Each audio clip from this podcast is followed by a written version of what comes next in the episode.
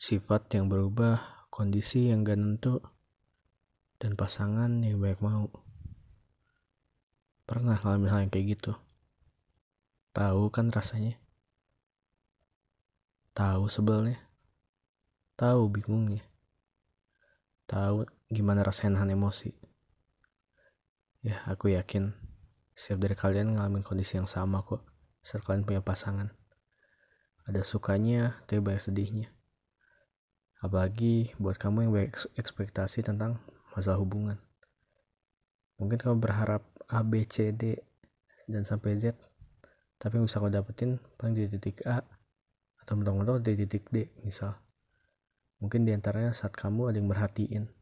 Ada orang yang nanya, udah makan apa belum? Udah sholat atau belum? Udah mandi atau belum? Dan lain-lain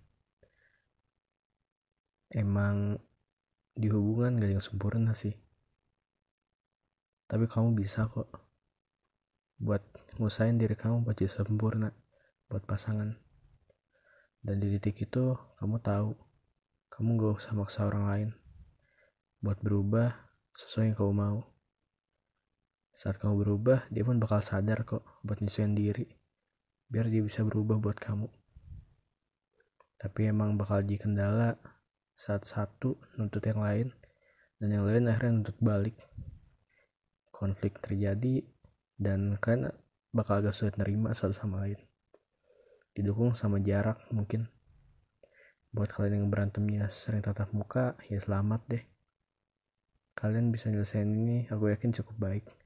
Tapi buat kalian yang masih LDR yang gara-gara situasi corona kayak gini kalian susah buat ketemu sisanya buat video call voice note. Ya mudah-mudahan kalian bisa bertahan sama yang kayak gitu.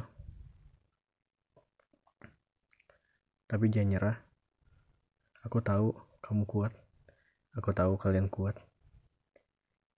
Karena emang gak ada yang bisa di istimewain sih dari hubungan yang jarak jauh itu.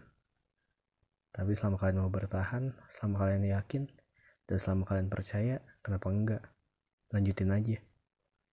Masa depan kamu kamu yang nentuin kok. Seneng sedih bahagia atau kecewanya ada di tangan kamu. Selalu nyiapin diri buat hal-hal yang gak terduga tapi jangan lupa penyesalan ada di akhir. Makasih buat ngedengerin sampai di detik ini. Bye bye